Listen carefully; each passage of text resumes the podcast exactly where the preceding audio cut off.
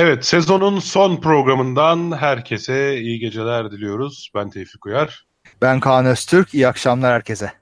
Evet, bu uzun bir maraton, ardarda arda program maratonunun ardından biz de ünlüler gibi e, bu yazı e, böyle bir tatil arası, böyle diziler, Müge Anlılar falan veriyor. Biz niye vermeyelim dedik. Tabii. Evet. yarın haberlerde böyle ya da haftaya haberlerde şok şok şok. Tevfik Uyar nerede tatilde? Pa paparazzilerde falan evet. artık. Tevfik Uyar öyle bir poz verdi ki. Ne pozu vereceğim abi ben? Tevfik Uyar denizde yakalandı. Bir de yakalandı. Olur. denizde, denizde çimerken yakalandı. o ne biçim kulaç atmaktır. evet abi. Evet maalesef şaka maka bir seneyi devirdik ya. Yani senle beraber bu şey yeni maratonda bir seneden fazlasını devirdik değil mi? E daha fazla ya. Daha fazla. Değil mi? Ben saymadım hiç ama bayağı uzun. Ben oluyor. de saymadım. Gerçekten. Yani hani toplamda bir sayı tutuyoruz da seninle o bu, bu seriye başlayalı ne kadar zaman oldu? Valla iki yıla yakındır bilmiyoruz. bence. Bir yıldan çoktur. Öyle mi diyorsun? Öyle, yani bana da öyle geliyor olabilir her bir hafta. Bir yandan iTunes'u açıyorum şey yapacağım. Demek ki benim de vakit geçmiyor sana. E, yani ne bileyim. Neyse işte şey yapalım uzatmayalım çarşafa dolaşmayalım. Ondan sonra ya şey WhatsApp'ta bir mesaj dolaşıyormuş. Şimdi bir arkadaş mesaj attı. Ben de o şey görüntüyü evlere şenlik şey diyor. E, ko- kozmik ışınlar dünyaya yakın gezegenimiz için 12-30-30 arası çok daha fazla radyasyon olacaktır. Berbat bir Türkçe. Korkunç bir şey. Cihazını vücuduna yakın bırakma seni korkunç bir hasar yapar. Seni, seni korkunç bir hasar. Yazan Aydınlıymış abi o zaman. Valla çok, çok Burada ama. ilk ipucunu elde ettik. Aydın.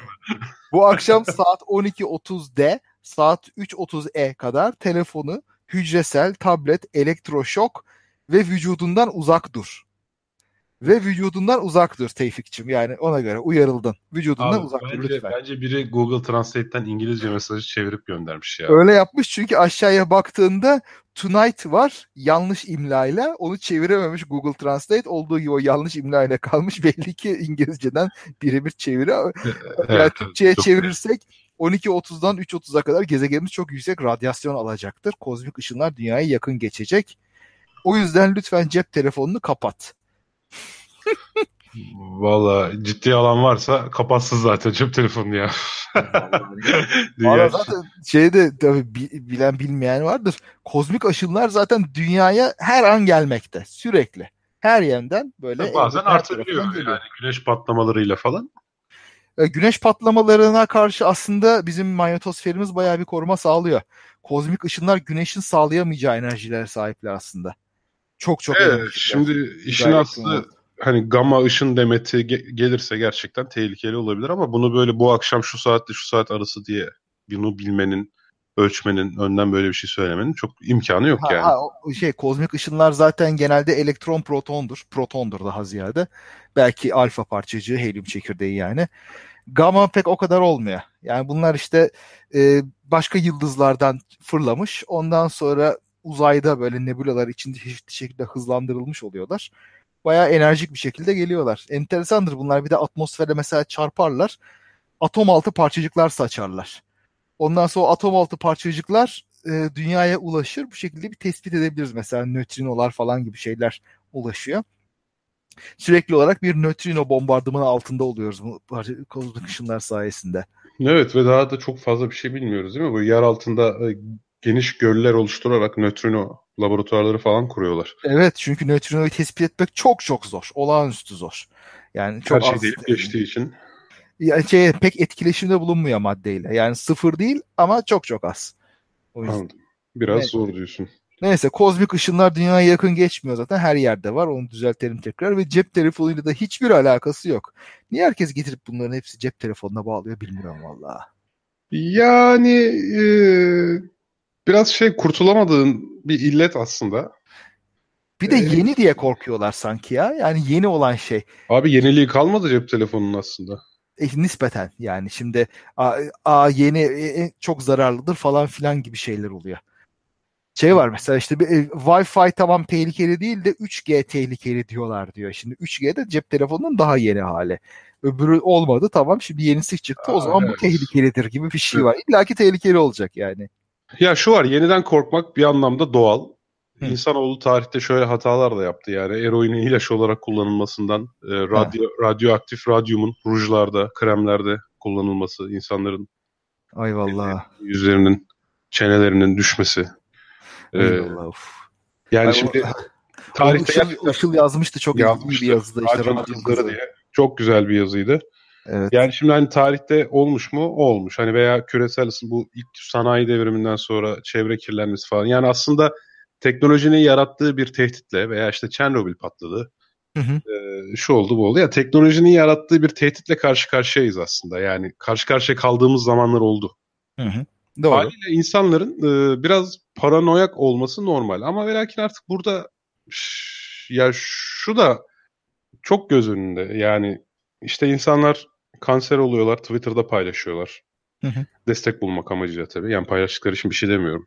Hı hı. Belki insanların desteğiyle mutlu olan insan tabii ki paylaşır.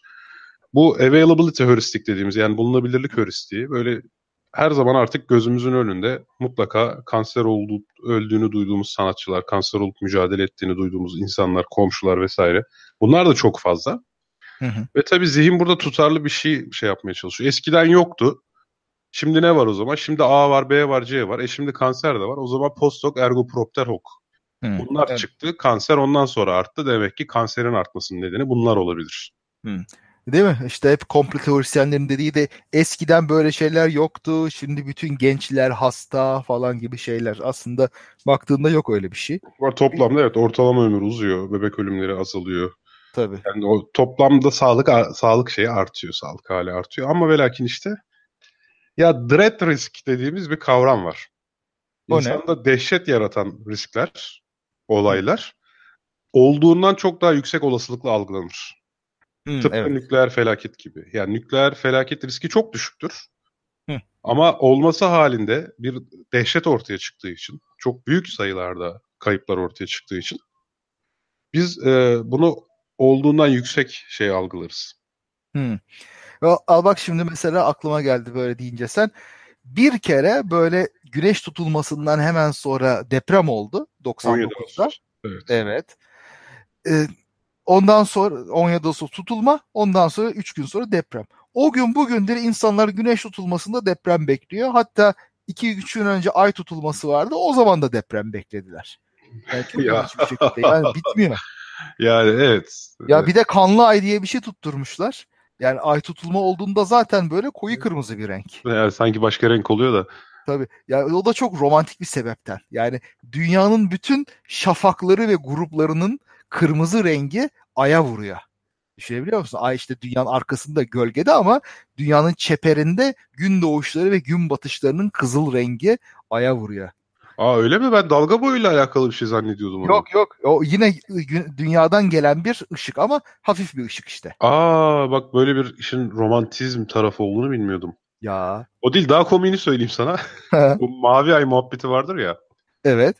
Ee, bir aya iki kere dolunay gelirse yani İngiliz kültüründe galiba Blue Moon deniyor ona. Doğru. Hatta deyim vardır once in a blue moon diye. Çok nadir olan şeyler için. Yani arası anlamında. 40 yılda Evet evet. İki sene önce mi? Üç sene önce mi ne? Böyle gelip bir mavi ay muhabbeti vardı. Yani o ay 31 çekiyordu. Hı. Dolayısıyla o ayın 30'unda 31'inde denk gelen dolunay mavi ay dedikleri zamandı. İşte bu astrologlar ya bu olayın aslını aslarını da bilmeyen astrologlar özellikle. Belki bunu böyle bilseler böyle saçmalamazlar da. İşte indigo ay enerjisi. mavi ay şöyledir. Mavi ay işte e, ayın rengiyle dikkatle bakarsanız her zamankinden farklı ve biraz mavi olduğunu görürsünüz. Bak bu cümleler var ya yani ayın gerçekten mavi rengi döneceğini zanneden işte mavi ayın enerjisi şöyledir böyledir falan diye. Ya alt tarafı ya 31'e denk geliyor. 30 31'e bir dolunay daha denk geliyor ya. Of ya inanılmaz bir şey. Yani bir gerçekten kulaktan dolma bir şey duymuş ve onu ciddiye almış ve bakın göreceksiniz diye söyleyebiliyor. Yani evet. palavracılığın artık bu kadar olamaz. Akıl almaz evet, bir şey. Vallahi. Yani gözüyle bakmamış bile yani anlamaya çalışmamış. Aynen aynen yani sadece niye mavi ay niye mavi ay deniyor falan. Ya gerçekten dikkatle bakın mavi olduğunu göreceksiniz diyor. Aşağıdan birisi ben bir fark göremiyorum falan deyince ya şehir ışıkları bunu değiştirebilir tabii falan diye böyle. Abi ya çok gerizekalı. gözüyle bakmıyorsun ondandır işte. Gönül gözüyle baksan mavi gözükecek. Tabii tabii senin kalbin kapalı. Bu arada e, geçen hafta da söyleyecektik. Storytel sponsorluğumuz sona erdi. E, sağ olsunlar. İlk sponsorumuzu almış olduk. Güzel de bir şey oldu. E, biz de böylece işte İzmir gezimizi vesaire de finanse edebildik bu sayede. Evet. E, bunu da yeri gelmişken söyleyelim. Storytel'de hatırlatalım. O bir kitap aplikasyonu. E, aylık bir ücret ödeyip e, içerisindeki tüm kitaplara sınırsız erişim var. evet. Çok güzel. Şeyde e, bir iki ilginç haber de var. Cochrane Collaboration var ya bilirsin böyle e, tıptaki çeşitli çalışmaları bir araya getiriyorlar ve meta analizler, çeşitli böyle sistematik e, incelemeler falan yayınlıyorlar ve bazı iddialarla ilgili bir şey sonuçlar çıkarıyorlar ortaya. Yeni bulduklarına göre omega 3'ün herhangi bir faydası, ek faydası yokmuş vücuda. Yani balık yağı falan filan yiyoruz ya omega Ek faydası derken yani ek olmayan yani, faydası ne? Yani besin olarak, yağ olarak tamam her besin kadar bir faydası var. Ama özellikle böyle işte damarları yumuşatır, ondan sonra kalp krizini engeller falan gibi iddialar vardı. Öyle bir şey olmadı. Yani fazladan faydası olmadığı iddia ediliyor. İddia değil ortaya çıkmış. Yani ek hap olarak. Ya ha omega 3 yemişsin ha margarin diyorsun yani. E, yok margarin değil de işte tabii. Yok yok e, faydası şey, bakımından diyorum. Yani zararı bakımından farklı olabilir de. Ha öyle. Yani ha zeytinyağı ha, ha balık yağı diyelim en iyisi. Anladım anladım. O, o bakımda öyle de bir şey çıktı. Yani ilginç yani kolesterolün zararı olmadığı çıkmıştı. Şimdi balık yağının faydası olmadığı çıkıyor ve dengeliyor her şeyi. Ya birbirine. kolesterol çok tartışmalı değil mi ama hocam? E, öyle tabii yani şimdi orada uzman olduğumu iddia etmeyeceğim. Çıkmıştı derken onun da meta e, analizleri var mı? Ya vardır ama şimdi ezberden söyleyemeyeceğim. Yani tabii Anladım. çok böyle yumurta yumurta yersen çok kötü olur. Çok et yersen bir iki falan. Kolesterolün zararı olmaz mı yoksa yediğiniz kolesterolün zararı olmaz mı? Farklı bir şey çünkü kolesterol Va- yüksekse bir şekilde damarlar tıkanmaya başlıyor. Valla şimdi tabii e, boyumdan büyük bir şey e, söyledim ama olay şu tabii. Kolesterol canlıların yani hayvanların kendileri zaten ürettiği bir madde. Çok gerekli bir madde hücre zarlarının oluşturulması açısından. Yani evet. bünye onu zaten yapıyor. Dışarıdan al, alınmayan o kadar önemli bir madde. Yani senin bünyen yapıyorsa yapıyor. Ya bazıları çok ciddi diyetlere rağmen yine yüksek kolesterollü olabiliyorlar. Bazıları işte olmuyor. Yani o bünye onu kurtarıyor. Ya Ama çok yüksek mesela. Yani ve o yüzden de işte damarlar hep bir risk altında. Bir işte tane stenti var falan zaten. Ha işte keza benim annem de aynı. E, ama çok dikkat ediyor yediğine. Buna rağmen oluyor. İşte bir vücut yaptı mı yapıyor. Ama besinden alınan şeyin katkısı ne kadar onu ben bilemem doğrusu onu bilmiyorum. Bakmadım. Yani onu laf olsun diye temiz söyledim de işte yakaladın da hiç affetmiyorsun. tamam yani bizden kaçmaz abi. Vallahi bravo. ee, bir şey daha var ben bu ana konumuza geçmeden önce ondan da bahsetmek istiyorum. ya bu sen geçenlerde bir fotoğraf paylaştın. Benim üç gündür aklımdan çıkmıyor ya. Ben bu... öyle fotoğraf paylaşırım. Nedir? Evet abi. Nedir? Bir öğrenseydin ya. ya bir dolu yağışı hı hı. esnasında bazıları, bazı akıllı, uyanık şerefsizler durmuşlar e, üst geçitin altına. Arkadakiler bir yere mi yetişecek? Hastası mı var? Çoluğu mu var? Çocuğu mu var? Ya da birileri gelip orada durmuş trafiği ana yolun ortasında çarpar mı? Zincirleme kazaya mı neden olurlar? Hiç umurlarında olmadan hı hı. kendi arabalarını korumak pahasına üst geçitin altında durup trafiği durdurmuşlar. Ha işte. İşte onların arabasına bir şey olmasın. Arkadakiler paramparça olabilir. Hiç sorun yok. Öyle bir şey. Abi bunu nasıl açıklayabiliriz? Yani drift yaparken ambulansı engelleyenler. Ya zaten bak şeyden bahsediyorduk. Bunun dozu iyice artıyor. Yani yok emniyet şeridinden gidenler falan diyorduk. Hı hı. Tamam yok şunu yapanlar yok işte hani ortak malların trajedisi falan. Yani ortak malların trajedisini aştı olay burada. Tabii. Tabii ya çünkü orada... ortak malların trajedisinde sen hakkın olmayan bir şey daha alıyorsun ama başkasını bu kadar engelle engellediğin pozisyon biraz daha bunun dışında olmaya başlıyor ya. Ya ortak malların trajedisinde aslında hakkın olanı alıyorsun ama başkasını düşünmeden kullanıyorsun. Yani şey otlak kullanır gibi yani.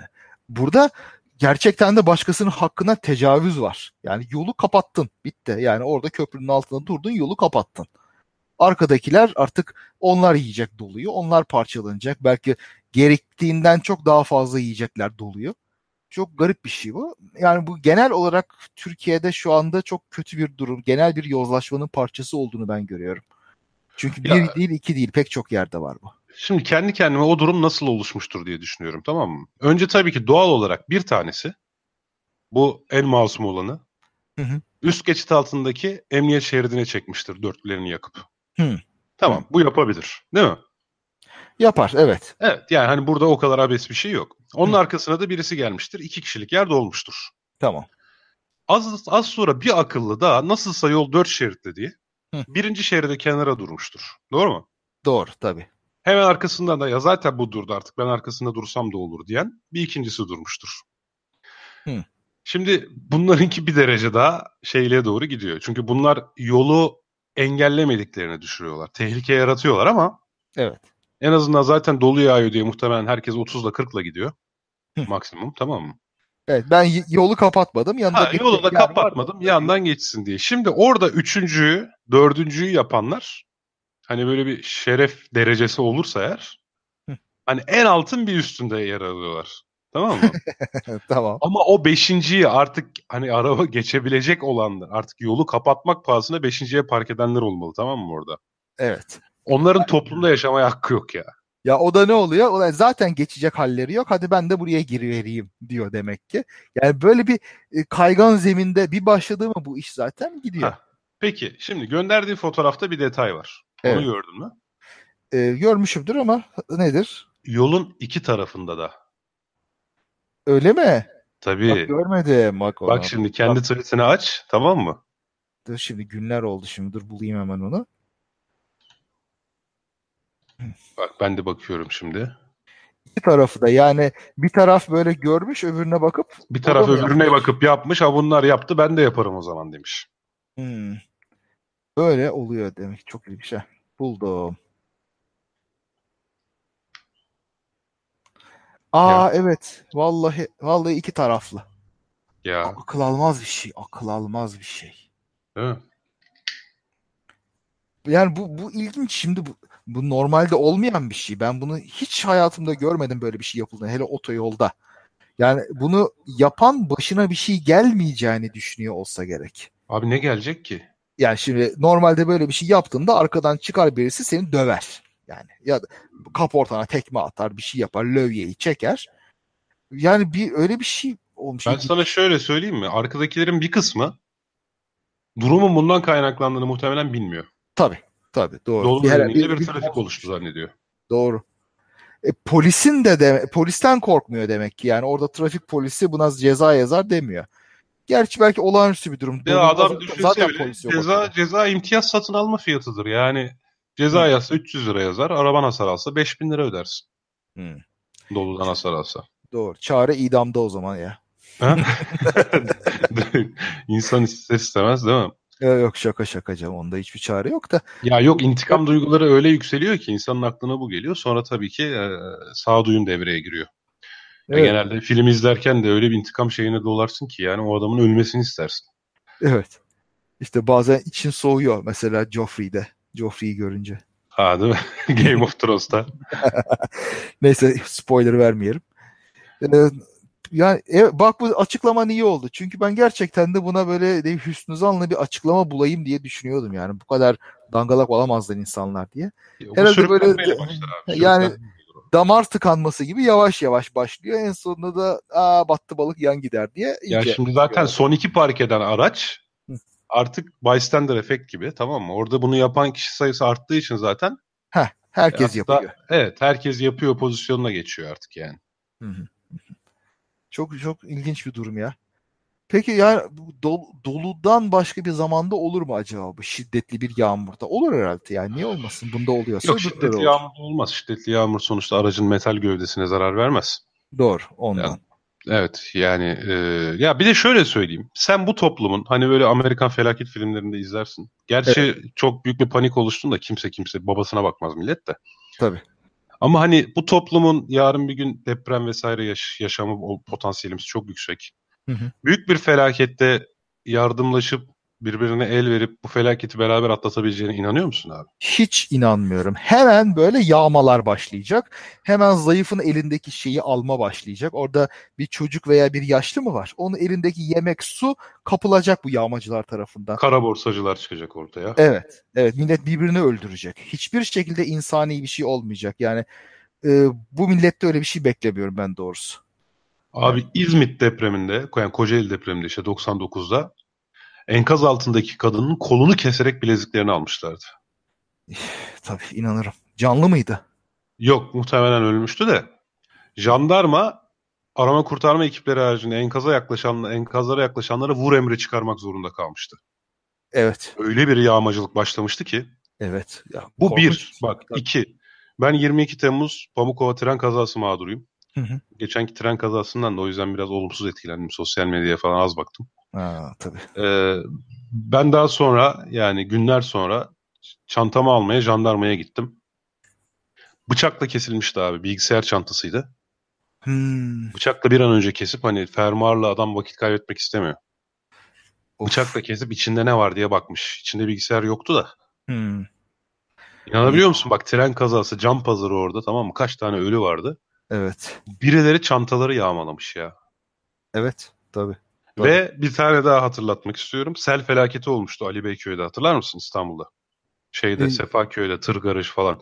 Hmm. Böyle selden gelen şeyleri yağmalıyordu adam. Evet. Bir de diyordu ki oruç tutmuyorlar ondan oluyor diye böyle ince bir sesi var kulaklarımda hala. Ay. Mal yağmalıyor adam oruç tutmuyorlar seller ondan oluyor diyor. E, Böyle işte böyle bir iki yüzlü ya barbar bir e, grup var. Ya bu ülkede ciddi bir e, nüfus barbar. Medeniyetten çok böyle nasibini almamış. Kaptığı şeyi böyle sahiplenme derdinde. Çok böyle hakkını vereyim, hakkımla sahip olayım hali değil. Gece konduculuk da öyle. Böyle bulduğu şeyi kapmak, kapkaççılık falan çok fazla var. Evet abi. Evet. Bak bizim sitede bir tane adam var aile. Hı hı. Toplamda ya zaten hani e, toplumsal yaşama uyum sağlama konusunda gürültü mürültü bir problem var o ayrı mesele. Hı hı. Bizim site içerisine araç park etmek yasak. 15 dakika park edebilirsin. Hı. Ama adam her gece geliyor. Tam evin önüne siteye bırakıyor sabaha kadar. Peki. Yasaksa o zaman bir yaptırımı olması Tabii lazım. site ceza kesiyor, şey koyuyor, dekont koyuyor, onu da ödemiyor. He. Peki. o- o- Başka da bir şey yapamazsın çünkü. E, tamam. O, o zaman koyar yani bir şey cezasız kalıyorsa koyar. Ha, herif de mafyatik bir tip. O yüzden böyle yönetim e, şey yaparsa falan e, hani ihtar miktar çekecek olursa gider bir silah çeker orada falan. Bu arada kimse bir şey yapamıyor adam. Bu arada her akşam 3-4 tane sıkıyor zaten burada. Ha. Hiçbirimiz çıkıp bir şey diyemiyoruz. E, peki yani ya olay şu birisinin yaptığı şey yanına kalıyorsa o zaman ona bu davranıştan vazgeçiremezsin. Biraz da işte anomi denen şey bu herhalde yani başına buyrukluğun bir cezasının olmaması. Şimdi İsteyen anomi istediğini aslında yapsın. Durkheim'ın tarifiyle şu. Nasıl? Toplumda şeyler çoktan değişiyor. Normlar. Ama bu normları karşılayacak to- ya eski toplumsal kurumlar bu normlara karşılık gelmiyor artık. Hı. Tamam mı? Yani ve bunun yeni yeni bu konuda yeni bir toplumsal kurum da kurulmuş değil. Hı hı. O yüzden insanları o arada tamam mı? Hı. Anomi, normsuzluk. Aslında anomi normsuzluk değil. Tamam mı? Normların karşılığı toplumsal kurum olmaması. Anladım. Ya Yalnız şöyle Bizde uymuyor gibi geldi bu bana. Çünkü bizde normlar değişiyor değil. Bizde normları dayatacak diye enforce edecek. Yani onun e, denetimini yapacak kurumlar ortadan kaldırıldı. Ama toplumsal kurum o Mahkemeler- işte. Hukuk yani. Tamam. Şimdi bak Hukuk yeni normlar oluştu zaten. tamam mı? Yeni normlar ne? Artık yapanın yanına kar kalması. İstersen üst geçit altında durabilirsin. istersen silah çekebilirsin. Ha. Değil mi? Bunun bir şeyi de karşılığı yok. Toplumsal kurumsal olarak şu an hukukta. Ya daha doğrusu eski hukuk bunu bununla birbiriyle örtüşmüyor. Yani çalışmıyor eski hukuk. Tamam mı? Burada normlar ve kurumlar arasında bir uyumsuzluk var. Hmm. Yani burada işleyecek hukuk başka bir hukuk. Yani barbar hukuku demek ki. Ha yani ne zaman bak ne zaman anomiden çıkıyorsun biliyor musun? Silah Ne? çekmek serbesttir diye yasa çıkarsa bu tanıma göre anomiden çıkıyorsun. Sorun yok. Ha. Ha, Zaten anladım. kuralı oluyor. Tamam mı? Tamam. Zaten herkes ona göre davranıyor. Herkes silah alıyor. Zaten diyorsun ki bizim kültür böyledir. Mesela bak Japonlarda hiç bireysel silahlanma yok. Hı hı. Yasa da zaten buna uygun. Hı hı. Tamam mı? Öte tarafta Amerika'da bireysel silahlanma var. Yasa da ona uygun herkes silahlanıyor. Bak yani yasayla normlar birbirine uygun olduğu sürece yani orada bahçene giren birine silah çekebilirsin. Bir şey de olmaz. Evet doğru. Yani anomi dediğimiz şey işte bu toplum çoktan değişti. Hı hı. Eski toplumsal kurumlar artık çalışmıyor. Buna karşılık gelmiyor yani. Hı. Yani e, anladım. Toplumun değişmesi aslında eski toplumsal kurumların e, yozlaşmasının bir sonucu gibi. Yani adam ceza bulmayacağını bildiği için bunu yapıyor. Aslında değişen bir şey o kadar da yok gibi geliyor bana. Yani eskisi gibi bir ciddi polis ve mahkeme şeyi olsa bunu yapamayacak. İşte ceza almıyorlar dediğin zaten eski toplumsal kurumların şu an çalışmıyor olması. Ha tamam. Yani insanların ahlak anlayışı, neyi suç, neyi kabahat sayıp saymadıkları o değişmiş değil bence. Yani adam yaptığın bir kabahat olduğunu biliyor ama umursamıyor. Ben nasıl ceza almam Yo, ben, ben yanlış düşünüyorsun abi. Kabahat olduğunu sen düşündüğün için yanlış düşünüyorsun. Adam diyor ki ben anamı söveni zaten çeker vururum diyor. Bu benim hakkım diyor. Mini etek giydiyse kadın diyor. Benim hakkımdır diyor. Ben erkeğim, tahrik oluyorum diyor. Şimdi öyle düşün. Kabahat olduğunu falan düşünmüyor gerçekten. Hmm, anladım. Peki. Yani Ve bu arada toplumu kalan da haklı tabii o mini etekli o saatte orada olmasaymış kız diyor. Hmm. Kimse adamın kabahatinden bahsetmiyor ki veya adam doktorun kafasını yarıyor. Adamın kabahatinden bahseden kaç kişi gördün senin benim gibi insanlardan ya yüz, yani yüzde otuz, yüzde kırk, yüzde elli diyeyim her neyse. Oo, vallahi Bunu yani kabahat herkes... saymayan ciddi bir kitle görmedin mi? Oo hem de nasıl? Çok. İşte ondan bahsediyorum. Onlar kabahat saymıyor. O sana göre bana göre öyle. Biz eskide kaldık. Geride kaldık demiyorum bak ama eskide kaldık. Tabii. Hadi ben ihtiyarım ama yazık ya sen daha hayatının baharında böyle eskide kaldın. Ya üzüldüm ben şimdi. ben de baharda sayılmam abi ya. Eylül güneşi yani artık. Yok daha neler. Seninkisi Eylül'se biz ne yaptık? Karakışa mı gireceğiz? Ee, sen Karakış'tasın. şaka yapıyorum şaka ya. Tabutumdan çıkar çıkmaz gelip ısıracağım seni göreceğim. Kont Dracula gibi diyorsun. evet. E işte yani. Bir de gelelim şey ceza meselesine aklıma geldi de hiç bak böyle bir şey konuşmayı düşünmüyordum ama toplumda cezaların sabit para cezasıyla olması baya saçma geliyor bana. Yani tabii enflasyona göre ayarlamak lazım. Yok Can enflasyonu kastetmiyorum. Kazanca göre. Yani ha. emniyet şeridinden gitmenin cezası 300 lira. E, haliyle fakir adam gitmez. Hı. Ama ve lakin adam günde zaten kazandığı paranın haddi hesabı yoksa, acelesi varsa, Hı. rahatına düşkünse 300 lira nedir bazıları için? Doğru diyorsun. Hı. Oysa Doğru. bu imtiyazı satın alıyor adam yani. Ya bir ülkede öyle orantılıydı cezalar bir İskandinav ülkesinde ama ya ben de aklıma sanki İsveç, Finlandiya gibi falan öyle bir şey geliyor ya. Evet o yani or, o bayağı can acıtır gerçekten de öyle. Ha Türkiye'de öyle bir şey olsa millet şey gelirini düşük gösterir. Resmi gelirini. Sırf Tabii. emniyet şeridinden gidebilmek için falan. Yani. Doğru diyorsun. Ya çok evet. ilginç. Doğru. Ne yaparsın? Evet. Yani bir şekilde bir değişik bir norm yeniden oluşacak herhalde. Yani e, şiddete şiddetle karşılık vermeye başlayabilir yakında insanlar. Orada artık yeni bir norm oluşur. Ona göre bir yere bir dengeye geliriz yine. E, herhalde, herhalde ve tabii ki o zaman hayatta yani survival yani hayatta kalma kriterleri değişeceği için Hı. E, toplumda işte hani çalışkan olan, aklı çalışan vesaire değil. Tabii ki en çok silahını öttürebilenler falan tabii. imtiyazlı hale gelecekler. E, öyle, evet. evet. Ya zaten şu anda da öyle. Yani öyle gibi geliyor bak bana. Neyse karamsarlığı bırakalım artık. Şimdi biz şey daha tatlı konulara dönelim. Ya boş ver. Daha tatlı konu dediğin uçak fabrikalarımız nasıl satılmış? Arkadaş yani bu güzel yaz akşamında içimizi karartıyorsun değil mi? Hakikaten ya gerçekten. Bu arada ben çok yorgunum. Çok biliyorsun bu yayına bile zor yetiştim yani. E valla çok Acayip çok yoğun bir dönemden geçtim. Bugün bu yayın bitiminde boşa çıkıyorum. Öyle söyleyeyim. Aa süper. Beşinde de zaten Olimpos'a gidiyorum Antalya'ya. Biliyorsun. Olimpos Gözlem Şenliği var. Ben de bu sene o etkinlikte varım. Evet ya. Biz de Ma aile gelmek istiyorduk. Benim işlerim henüz bitmedi. Artık bir dahaki sefere. Valla abi keşke gelseymişsiniz ya. İşte benim yaz okulu dersleri var. Devam ediyor. O yüzden. Şimdi abi o zaman mümkün olduğunca kısa tutmaya çalışalım. Ve buradaki aslında arka plandaki bağımlılık teorisini Wallerstein'in belki biraz onu e, yeniden deşebiliriz. İyi olur. Şimdi önce nerede kalmıştık? Nuri Demirağ'da kalmıştık. Hı. Nuri Demirağ'ın o dönemde Janes kataloğuna giren ya bu o sırada dünyada başarılı uçakları yani ruhsat alabilmiş uçakları sergileyen böyle bir katalog. Bu kataloğa giren iki uçağı var. Biri Nut 36, biri Nut 38. Birisini çünkü 1936 yılında, birisini 1938 yılında yaptığı için Nuri Demirağ. Güzel. Bu Nut 38'in özelliği şu hocam. Türkiye'nin kendi imal, imal edip tasarladığı ve yolcu taşıdığı, ilk yolcu taşınan uçak bu. Yolcu taşınan. Çok güzel. Evet ama tabii bu ticari değil. Böyle biletle değil de e, işte o dönemdeki gazeteciler e, Tasviri Efkar gazetesi sahibi Ziya Ebu Ziya, hmm. Vatan gazetesinden bir muhabir Faruk Fenik diye. E, işte bunlar İstanbul-Ankara arasında uçuruluyor.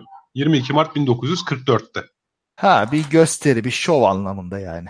Ee, evet. Yani şov da değil de belki parasını da veriyorlardır. Tam bilmiyorum. Niye özellikle bu yolcu uçağı yani ilk yolcu uçuşu diye anılıyor. Yüksek olasılıkla mürettebat üyesi olmamasına rağmen uçakta bulunma imtiyazı ile alakalı. Yani dolayısıyla onlar birer yolcu. Hı, o şekilde. Tabii mürettebat değil. Yani teknisyen değil, pilot değil, üniformalı başka bir görevli değil. E, uçakla seyahat ediyor bir yerden bir yere. Belki bir miktar para da ödenmiştir. Almamıştır Nuri Demirağ da muhtemelen. Hı. O zamanlar da zengin. Tabii. Hasılı kelam. Nud 38 e, özellikleri 6 kişilik çift pilot, çift kumanda. Hı. Yani 4 tanesi yolcudan oluşuyor. Gövdesi alüminyum kaplama. Ve bu hani e, konuş çift motor olduğu için de her kanadında birer motor var. Hmm. Menzili 1000 kilometre. Havada da 3,5 saat kalma dayanım dediğimiz endurance 3,5 saat. Azami hızı da saatte 270 kilometre. Çok da bir şey değilmiş aslında. 270 iyi ya. İyi mi diyorsun? Ha, yani şu an uçtuğum Boeing'lerde 300 pardon onlar natla gidiyor ya bu kilometre özür dilerim. Tabii, şey de tabii e, üç buçuk saat havada kalması ve menzilin bin kilometre olması biraz az mı acaba bana mı öyle geliyor? Gerçi 1930'lardan bahsediyoruz yani. Ya evet şimdi motorlar e, motorlar 160 beygir. Jet Hı-hı. motoru değil bunlar öyle düşünme. Ha tabii doğru. E, turbofan değil ne bileyim e, pervaneli motorlar. Pervaneli motorlarla bu, bu, ve 1938'den bahsediyoruz abi. Evet tabii. Daha 2. Dünya Savaşı teknolojisinden önce yani. Evet. Doğru tabii evet bu mühim bir şey. sonra e, 1938 yılında her şey yolundayken bir terslik oluyor hocam. Hı hı. 13 Temmuz'da Eskişehir'de İnönü Meydanı'na inerken bir Nud 36 uçağı ile beraber rahmetli Selahattin Alan, o da ilk pilotlarımızdan, e, inişte pistte hendek olduğu için uçak ters dönüyor ve hayatını kaybediyor. Ay. Evet. Bunun bir pilotaj hatası olduğu, hendeğin görülemediği vesaire raporlansa da o sırada Nuri Demirağ'a ayar olan Türk Hava Kurumu yetkilileri. Hı hı. İşte uçaklarda teknik hata var vesaire diye. Şimdi ben de ama bu arada şeyden bahsedelim tekrar. Belki birinci bölümü dinlemeyenler vardır. Hı hı. Mustafa Kemal'in Uçakları adında Türkiye İş Bankası yayınlarından İsmail Yavuz'un yazmış olduğu kitap üzerinden gidiyoruz. Onu hı. takip ediyoruz, onun düşüncelerini. Hani şimdi İsmail e, Yavuz bazı bilgileri aktarıyor ama belki hakikaten uçaklarda teknik bir emniyetle ilgili bir arıza e, vardır. Ya belki gerçekten de güvenil emniyetli olmayan güvenilmeyecek tarafları vardır bilemiyoruz. Hı hı. Ama ve lakin İsmail Yavuz'un aktarımıyla o, bu bir bahane. Çünkü zaten Türk Hava Kurumu Nuri Demirağ işte o dönemde bu bahaneyle verdiği bütün uçak siparişlerini iptal ediyor. Of of of. Hatta Nuri Demirağ en azından Türk Hava Kurumu'na verdiği bu şey için, ihale için verdiği 14 bin liralık bir teminat bedeli var. Onu istiyor, onu bile vermiyorlar. Aa. Ona da el koyuyorlar yani. Şimdi burada ona el koymalarında en azından bir şahsi sanki gerçekten bir şahsına duyulan e, gıcıklık olduğu hissine kapılıyorum. Yani tamam kardeşim emniyet dediği almıyorsun o zaman adamın ihale için yatırdığı teminat bedelini geri verdim yani? E tabi. Aynen öyle. Bu, bu Aynı, çok kötü bir şey yani. Kötü bir şey. Evet. Evet maalesef. Şimdi burada Nuri Demirağ da Vecihi Hürkuş'la aynı yolu izliyor. Hmm. Ne yapıyor? Ee, en azından ben pilot yetiştireyim. Kendi havacılık faaliyetlerimi özgürce yapayım ve biraz da bu kendini çeviren bir iş olsun. Hı hı. Ee, Türk gençlerini pilot olarak yetiştirirken aynı zamanda onlar da kendi paralarını kazansınlar diye tamam. gidiyor ve e, pilot okulu açıyor. Çok güzel. 1942 yılında e, bir pilot okulu açıyor. Sonra e, 1941'de pardon 41-44 yılları arasında bu okulda 16 bin saat uçuluyor, 290 pilot yetiştiriliyor. Vay vay vay çok güzel. 290 pilot hocam. Aynen. Peki sonra ne oluyor? Bu sırada Nuri Demirağ iyice ayar oluyorlar. Hı. Önce Nuri Demirağ'ın uçak fabrikasının yurt dışına uçak satmaması için kanun çıkarılıyor. Bildiğin baltalıyorlar. Sabotaj yani. Tabii tabii. Bildiğin, bildiğin baltalıyorlar. Ondan sonra da e, fabrika iflas ediyor. Sonra da Nuri Demirağ'ın uçuş okulunun tamam mı? Arazisinin yarısı daha sonra da tamamı istimlak ediliyor devlet tarafından. Hmm. Ona da el koyuyor devlet yani. Allah Allah. Bir gerekçe sunuyorlar mı? Şimdi Yok. tabii biraz Nuri Demirağ burada muhalif olması yılları, o yılları var yani tamam mı? Hmm. Ee, zaten çok partili hayata geçiş döneminde de Nuri Demirağ'ın şeyleri var, bazı gayretleri var. Parti kurma gayretleri var. Hı hı. Kuruyor da zaten bu arada. İkincisi e, 1938'de yani Atatürk'ün ölümünü mütakip bazı kadrolar değişiyor ve bazı enteresan şeyler olmaya başlıyor hak- hakikaten yani. Hmm. Çünkü aslına bakarsan 1937 yılına gelindiğinde Türkiye hala o Cumhuriyet'in genç yıllarının büyük bir enerjisine sahip. 1937'de Karabük Demir Çelik Fabrikası açılıyor zaten. Hmm. Bütün neredeyse şeker fabrikalarının açılımı tamamlanıyor o dönemdeki. 1937 yılına gelindiğinde. Hı. Ve 1937 yılında zaten Atatürk mecliste kesinlikle ve kesinlikle kendi uçağımızı ve uçak motorumuzu yapmalıyız diyor konuşmasında. Yani kesin olarak o tarihlerde e, aslına bakarsan yerli e, uçak yapımı için büyük bir teşvik var. Fakat işte 1938'de böyle Atatürk'ün vefatının ertesinde bazı şeyler çok hızlı değişmeye başlıyor. Hmm bir çıkar kavgası var gibi geliyor bana. Yani ba- e, biz de buradan ba- e, sebeplenelim, bal tuttuk parmağımızı yalayalım. Sen de bize pay ver gibi bir şey istemişlerse ve Demir abinin kabul etmediyse böyle bir baltalama yoluna gitmiş olabilirler. Ya biraz öyle bir şey olabilir. Bir de geçen hafta VC Hürkuş hakkında şöyle bir e, şey yapmıştık hatırlarsan. Ee, analiz yapmıştık. VC Hürkuş az subaydı. Hı hı. Ee, belki o dönemin subayları bir türlü onu hani hak ettiği yerde görmeyi başaramadılar demiştik. Evet. Nuri Demirağ dediğimizde Anadolu, Anadolu kaplanı. Ha. Yani bir eğitim şeyi benim bildiğim kadarıyla yok. Hı. Belki bu sebeple yani çok iyi bir müteşebbis. Kayserili iş adam işte. Tamam mı? Tam Kay yok, Kayserili değildi de tip olarak falan diyorum yani şey olarak. Ya, anladım. yani bir Anadolu kaplanı. Bilmiyorum belki biraz e, onunla mı alakalı diyeceğim. Yani tahminde bulmuyorum sadece şeyden değil. Yani niçin bir kişiyle bu kadar uğraşılır? Niçin memleketin çıkarına rağmen bir, bir kişiye bu kadar e, gerip çekmeye çalışılır. Anlamak mümkün değil diyeceğim. Ama sonra şimdi sana söyleyeceklerimde bunun aslında çok Nuri Demirağ'a özel bir durum olmayabileceğini de anlayabilirsin. Hmm. O da şöyle dedim ya 37 yılında zaten böyle yatırım hamlelerimizin yoğun olduğu yıllar. Hı hı. E, tam bu dönemde şey planlanıyor zaten Atatürk'ün bu söylemleri üzerine. E, Eskişehir'de bir uçak fabrikası, Ankara'da bir mo- uçak motor fabrikası, Ankara'da bir rüzgar tüneli. Hmm. Bunlar planlanıyor zaten Atatürk ölmeden önce, Atatürk'ün sağlığında. Çok güzel. Nitekim Atatürk öldükten sonra planlı iş zaten. Herhalde kimse de o kadar durdurmaya cesaret edemiyor diyelim bu işlerin karşısında olan varsa bile. Hı hı. 39 yılında Etimeskut'ta uçak fabrikası açılıyor. Eskişehir demiştim az önce Etimeskut pardon. Çok güzel. 45 Peki, yılında Gazi Uçak Motor Fabrikası açılıyor. Bunlar devletin mi? Devletin. Tamam. 1941 yılında da Ankara Rüzgar Tüneli açılıyor. Hmm.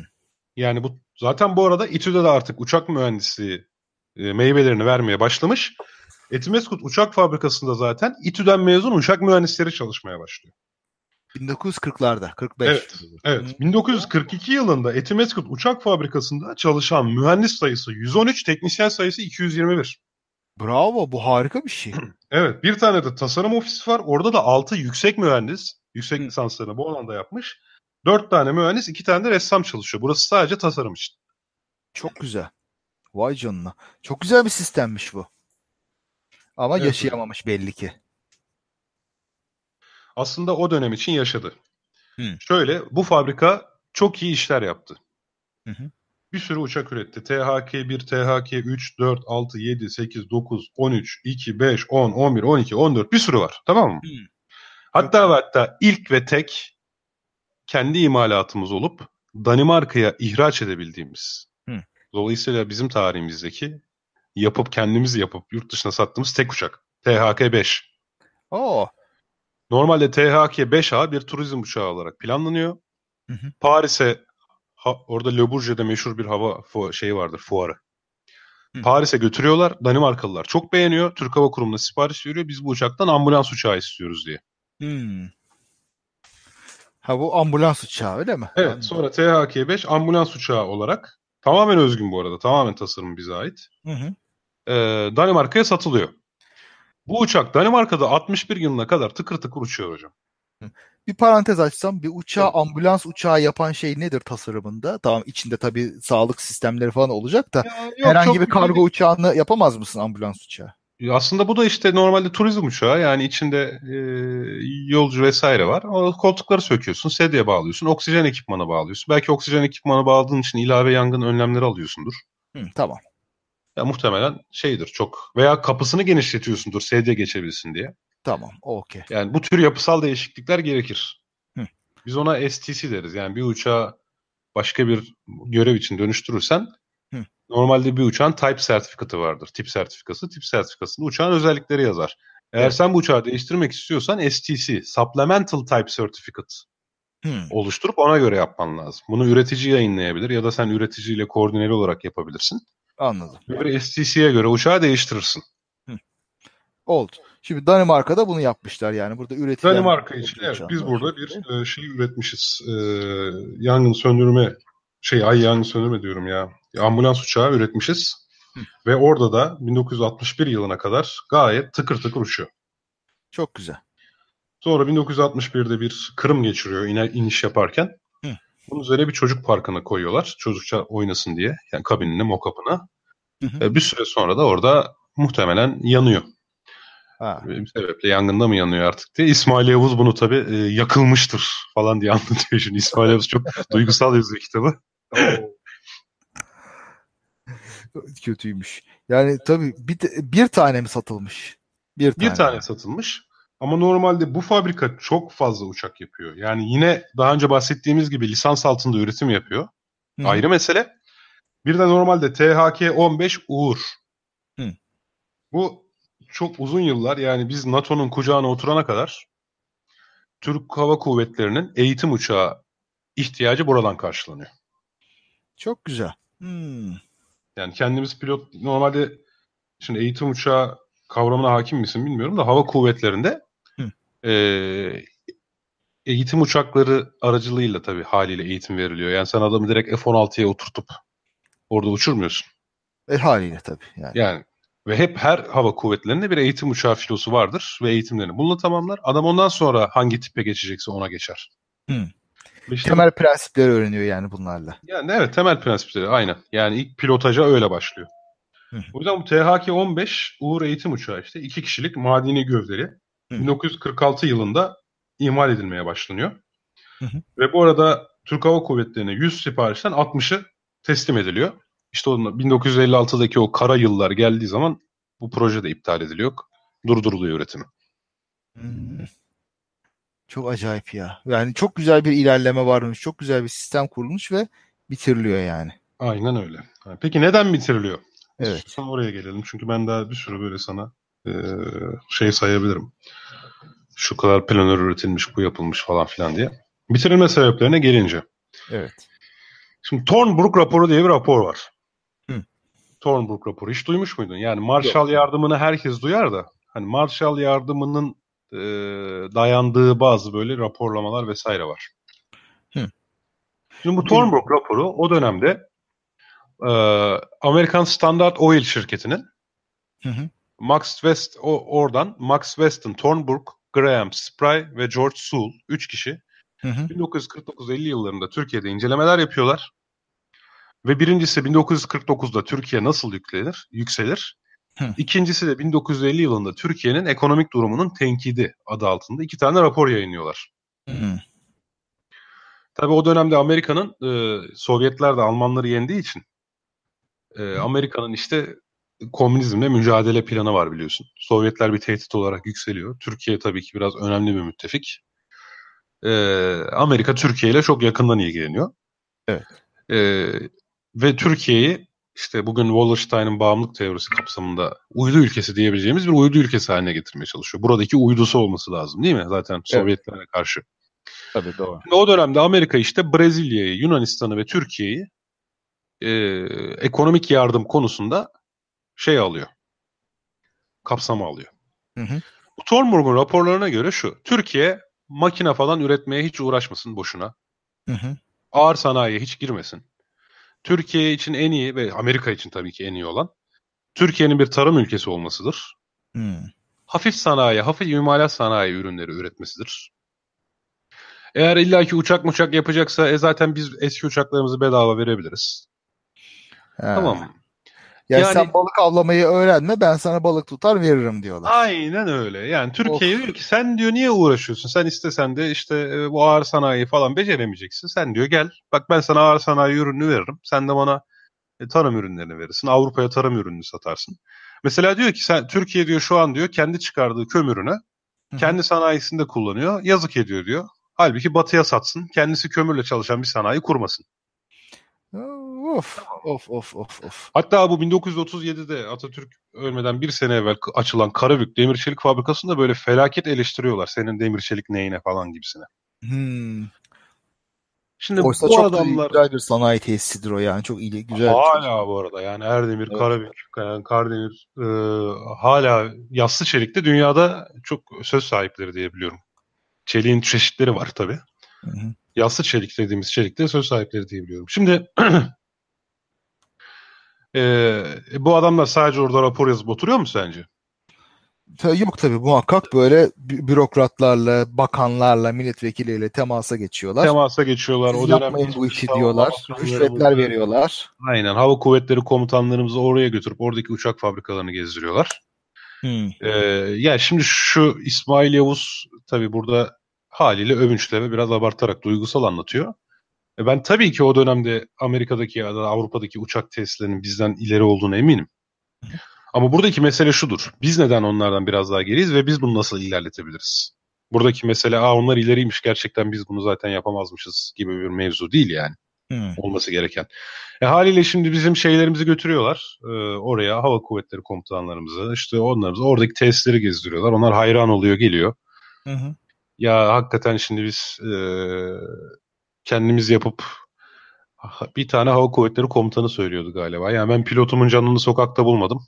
İşte bu Türk Hava Kurum fabrikalarının kapatılmasına gerekçe olarak Hı. ve oradan sipariş vermemesine. Ben pilotlarımın canını sokakta bulmadım. İşte Amerikan tayyareleriyle uçuracağız diyor yani. Ha, anladım. Anladım. Yani işte doğru.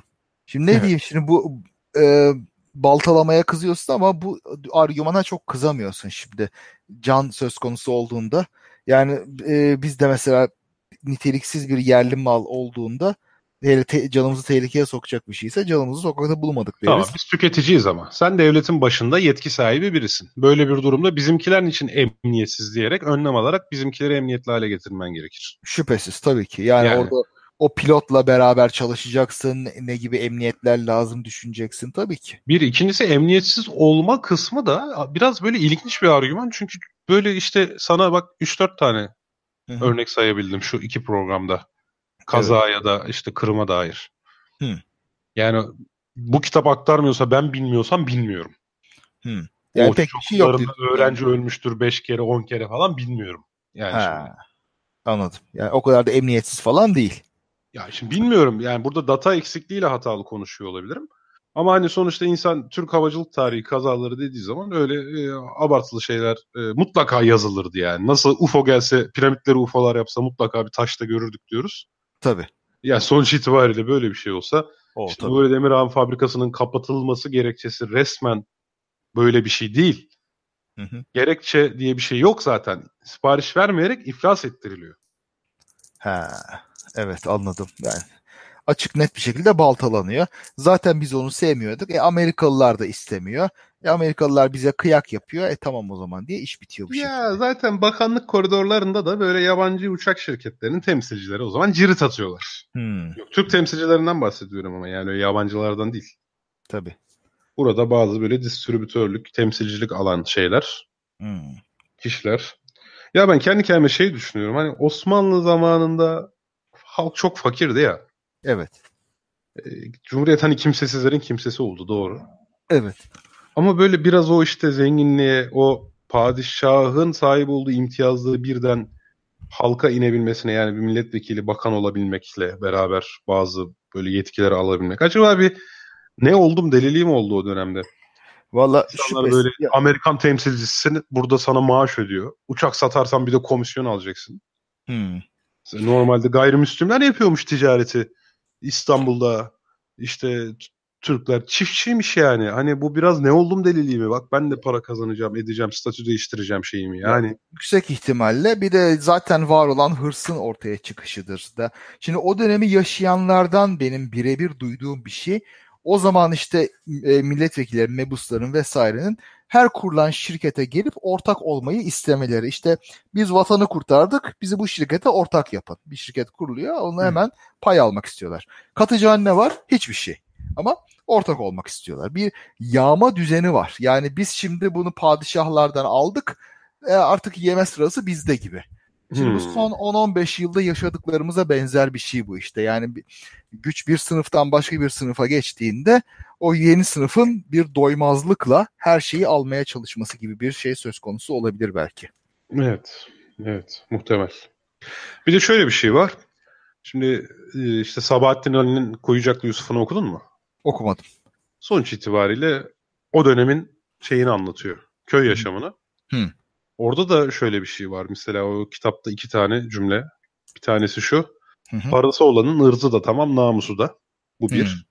İkincisi de işte bir suç işleyen bir zengin aile var. Avukat diyor ki paraları var efendim. Paraya karşı kim ne yapabilir? ah buyur işte. Çünkü o dönemde de hemen işte bir cinayet işleniyor. Jandarma çavuşu parayla satın alınıyor. Hakim zaten parayla satın alınıyor falan filan. Hı hı. Yani zaten bir rüşvet yeme mirasını Osmanlı'dan biz direkt almışız gibi hissettiriyor adama. Evet maalesef öyle. Yani o zamanki devlet ve güçlü pozisyonlara sahip olanların sanki. Doğru. Vallahi işte bizim gibi e, geri kalmış ülkeler diyeyim yani sanayileşmeye çok geç kalmış ülkelerin ortak trajedisi böyle şeyler galiba. Sen şimdi diğerlerine yetişmeye çalışıyorsun. Bir know-how biriktirip ben kendim yapayım. Tamam yavaş olsun, verimsiz olsun ama ben öğreneyim demeye çalışıyorsun. Orada birileri çıkıyor, bir yerlere paraları yediriyor. Sen yapma biz yapalım diyorlar. Ve ülkenin aslında zararını ama kendi ceplerini dolduracak şeyleri yaptırıyorlar. Bak çok şey e, bu bir ekonomik tetikçinin itirafları mı? Öyle bir kitap var evet, galiba. İşte o da aynı o Tornbook dönemiyle alakalı değil mi zaten? Marshall yardımı falan. Yani mesela az gelişmiş ülkelere biz işte bu büyük büyük otobanlar yapsınlar diye kredi veririz diyor. Ondan sonra hem o krediyi geri alırlar hem de o otobanlarda araba tabii kullanılır. İşte benzin kullanılır falan filan. Hiç lüzumu olmayan yerlere bile dört şeritli otobanlar pırıl pırıl yapılır. Ondan sonra adamların paralarını öyle alırız. Yani bu gerekli mi değil mi diye bakılmaz. Çünkü Aynen orada bir hesap verme yok. Bir verginin peşinden koşma yok. Geri kalmış ülke olunca vatandaşların da vatandaşlık bilinci olmayınca bu kolay. İşte yol yaptı diye ondan sonra da alkışlanıyorlar, alkış alıyorlar. Bitti gitti ne güzel altyapı kuruldu gibi. Evet. Bir de şöyle Aslında bir şey, şey söyleyeyim ama buna isim vermeden anlatmam lazım. Hı hı.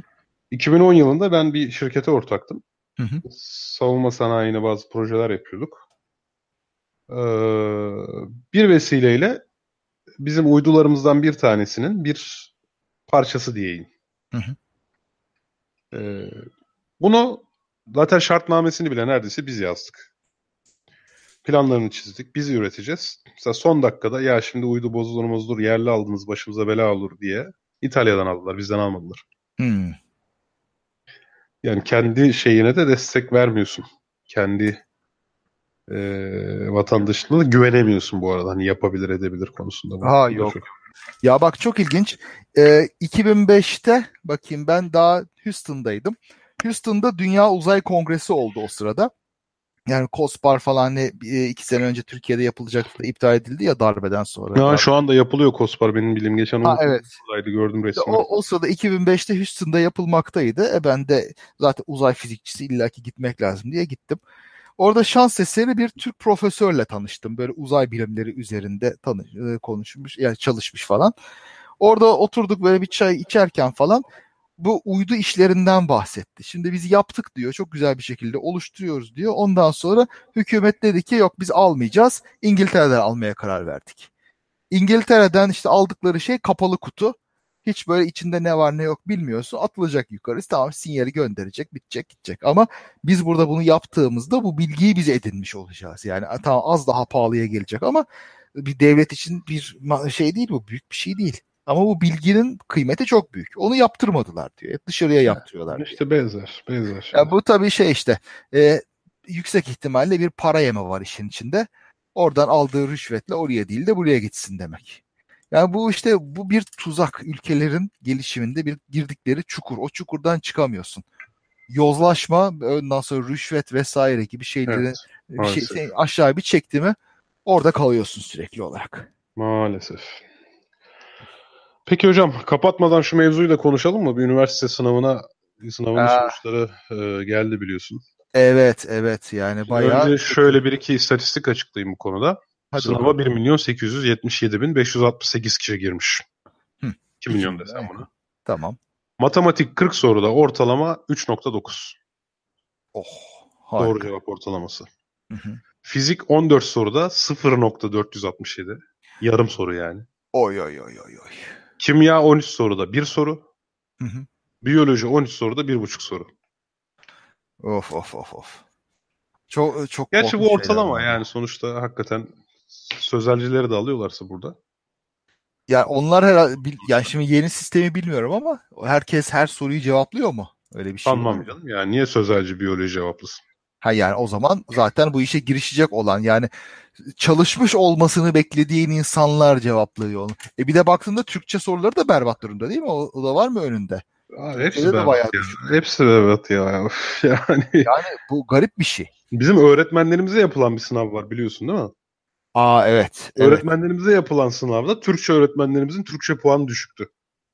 Ya bu şeydi galiba bu e, öğretmenliğe almak için yapılan bir eleme sınavıydı galiba diye anladım. Yani Öyle yani, mi yoksa PISA gibi her sene öğretmenlerle ilgili yapılan bir şey mi? Yok bu galiba KPSS'nin içinde veya onun gibi bir sınav. Orada işte seçmek için yapılan bir eleme sınavı. Yani atama atamada kullanılan bir şey. Öte yandan işte dediğin gibi öğretmen olmaya soyunmuş birisinin e, bu kadar düşük olması çok kötü yani ortalama olarak bir kitle olarak.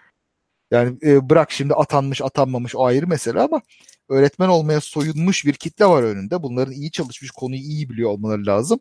O sınavda mesela bakıyorsun %25 mesela matematik sorularını cevaplayabilen matematik öğretmeni olan kişi. Hadi buyur. Yani fizik sorularını cevaplayabilen %30 yani başarı oranı. E sen şimdi fizik öğretmeniyim diyorsun yani burada. Bu, garip bir şey bu sen bunları Abi Allah aşkına. Ben bir okula konuşmaya gitmiştim. Hocam dedim bu modern fizik falan artık ders kitaplarında var mı dedim. Anlatıyor musunuz dedim. Valla var öyle röle vitamine bir şeyler dedi adam bana. Abi Yok. 100 sene geride kalmış arkadaş. Çok güzel. Rölevite de güzel. Rölevite mi? Rölevite mi? Öyle bir şey var. Kitap sonunda da anlatmıyoruz dedi ya. Yok röleve çıkarıyoruz hocam. Röleve. Hayır bir de bakaymışsın kitabın sonunda ne yazıyor. Okuyaymışsın bari ya. Sen fizik öğretmenisin yani. Çok ilginç. Çok, çok garip bir şey ya. Yani e, ne diyeyim ben de mesela asıl alanımın dışındaki bir konuyu öğreterek hayatımı kazanıyorum. Bilgisayar programlamayı. Ama yine de yani böyle değil mi öğrenme öğrettiğim şey ötesine geçmeye çalışıyorum ki yani öğrenciye rezil olmak var sonuçta çünkü bilmezsen bir şeyi iyi öğrenmeye çalışıyorsun. Öğretmenliğin tabiatında ol, olması lazım ama nedense bazıları umursamıyor. Çok garip. Yani şimdi üniversite sınavı da geri dönersek yani buradan da şunu anlıyoruz. Buraya bu sınava girmiş olanların çok büyük bir kısmı aslında üniversite falan okumamalı. Yani bu buradan o anlaşılıyor. Şimdi 2 milyon kişi girer Matematikte mesela ne bileyim yüz, yüzde seksen ortalama olur. Hadi tamam yani şanssızlıktır bunlar yine okur falan yazık bir imkan verelim dersin. Ama yani kaç dedin sen? Kaç soruda kaç yaptılar? Yüzde kaç? Hangisi için soruyorsun? Matematik mesela. Matematik. Yüzde üç. Şey kırkta üç. Kırkta üç. Kırkta üç. Yüzde beş mi? Sweet önümde yok da şu an az önce önümdeydi o yüzden. %6-7 olsun tamam mı? Yani %6-7 matematik yapan birinin üniversitede işi yok yani kusura bakmasın. Sözelci de olsa yani sonuçta sayılar herkese lazım. Sayısız olmaz. Hele Türkçe'de yani. Türkçe'de yüzde 10, 15 gibi bir şeydi herhalde ya da 20 diyelim hadi neyse. Yani ya yok. daha bile düşecek. Bak şimdi lise sınavları da açıklandı. Hı hı. İyi öğrenciler hiçbir yere yerleşememiş, açıkta kalmış ya da kendini istemediği bir meslek lisesinde bulmuş. Evet, korkunç bir şey. Yani insanlar 92 aldım, 98 aldım. istediğim yere giremedim. Öbürü 80 aldı, 60 aldı. Benim istediğim yere girdi diyorlar. Nasıl bir sistem yaptılarsa karma karışık. Mahvetmişler. Sistem olduğundan şüpheliyim açıkçası ya. Evet sistem sistem yok. Yani şu anda her şey biz bir şeye karar verelim böyle yapalım diyelim.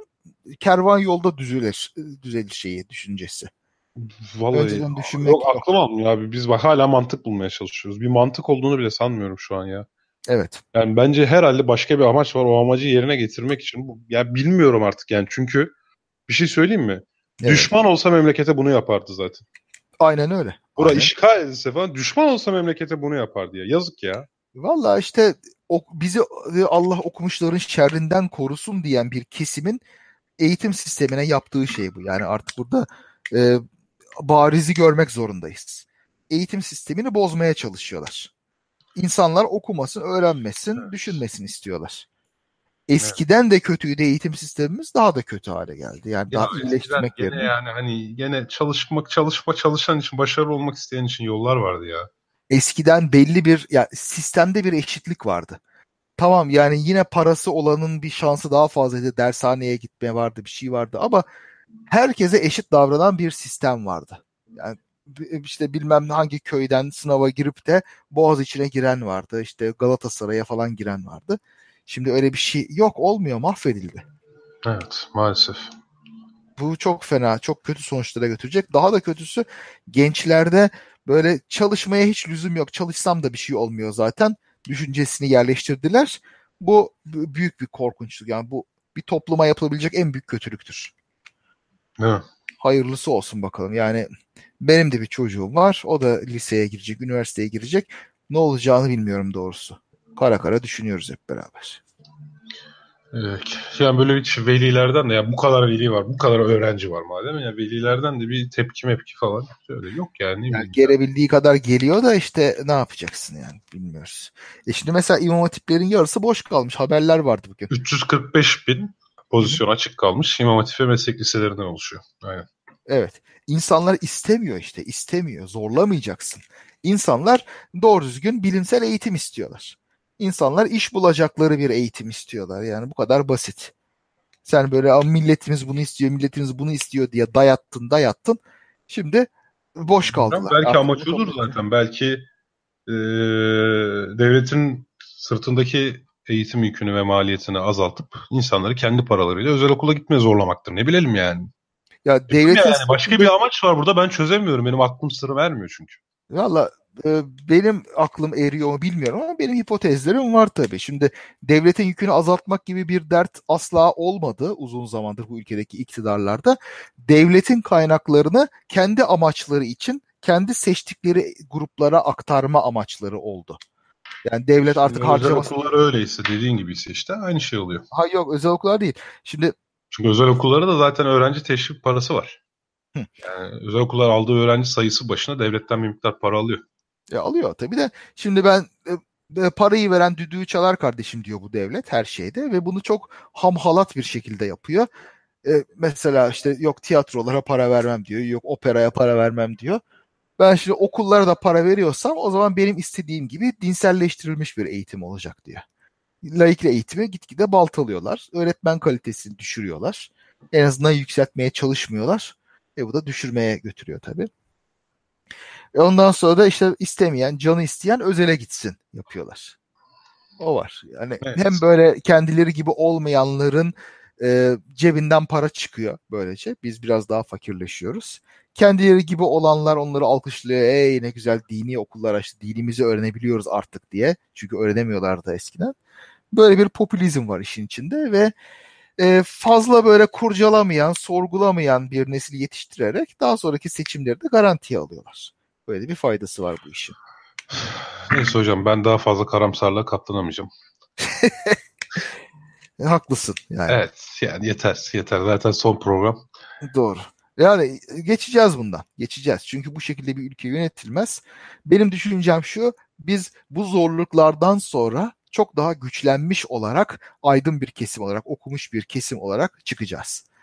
Yani Bizi okum... öldürmeyen şey güçlendirir diyorsun yani. Aynen, aynen öyle diyorum. Gerçekten öyle. Çünkü yani bak şimdiye kadar bizim okumuş kesimimiz genellikle devlette çalışıyordu. Devlete sırtını dayıyordu. İşte cumhuriyetimizi devletimiz korur, ordumuz askerimiz korur falan diyorduk. Ya olmuyordu öyle bir şey. Şimdi anladık. Bizi bizden başka kimsenin kurtarmayacağını anladık. Ee, her şartta geçerli yetenekler edinecek yeni kuşak ve kendini kurtaracak, dünyaya entegre, üstün yeteneklere sahip bir kuşak gelişecek ve o kendi gücünü ortaya koyacak. Hadi bakalım. Hadi bakalım. Yani o zaman çoğu genç kitleden oluşan dinleyicilerimize güveniyoruz. Evet. Aynen öyle. Yani gençler yolunu buluyor her zaman bir şekilde. Evet. O halde bu sezonun son programı İbrahim Candemir hocam son derken demiş. Yani programı bırakmıyoruz tabii ki. bir Eylül ayında ara vereceğiz. Şey Eylül ayına kadar bir ara vereceğiz. Eylül ayının ikinci haftası gibi. Ee, şey yapmış oluruz. Sahalara dönmüş e, oluruz. Bir ara verelim. Evet Bakalım. sıcaklarda mayıştık. Birazcık böyle oturalım. Birkaç kitap okuyalım. Biraz malzeme biriktirelim. iyi olur. Ben sosyal medyaya hiç girmiyorum. Fark ettim mi artık bilmiyorum. Günde evet. 5 dakika ya da 10 dakika yani. Oo ne güzel. İyi oluyor valla. Biraz yoğun çalışmaktan kaynaklanıyor ama yani e, bir süre yoğun çalışacağım zaten. Yapacak bir şey yok. Evet çok güzel. Ne iyi. Kafayı meşgul edecek bir şeyler olduktan sonra harika. Aynen, aynen. Evet, tüm dinleyicilerimize teşekkür ederiz. Ee, senle yaptığımız, yani bu serinin başlangıcı bu arada Nisan 2017'ymiş hocam. Hı, e güzel. Bir buçuk yıl Nisan olmuş neredeyse. 2017 değilmiş, pardon. Ee, 16 olmasın? Ekim 2016'ymış ya. Ha. Evet. Tamam doğru işte Ekim'le beraber başlamıştık. İki sene olmuş neredeyse. İki ay sonra iki sene olacak. Evet o süper bak. Valla görüyor musun? Hadi bakalım artık. Hadi bakalım. İyi öyleyse hadi öyleyse herkese iyi akşamlar. Hadi herkese iyi akşamlar, selamlar. Görüşmek üzere, bay bay. Daha fazla bilgi edinmek isteyenler Tarihi Osmanlı Mecmuası'nın 3. cüzünün 1912. sayfasına bakabilirler efendim.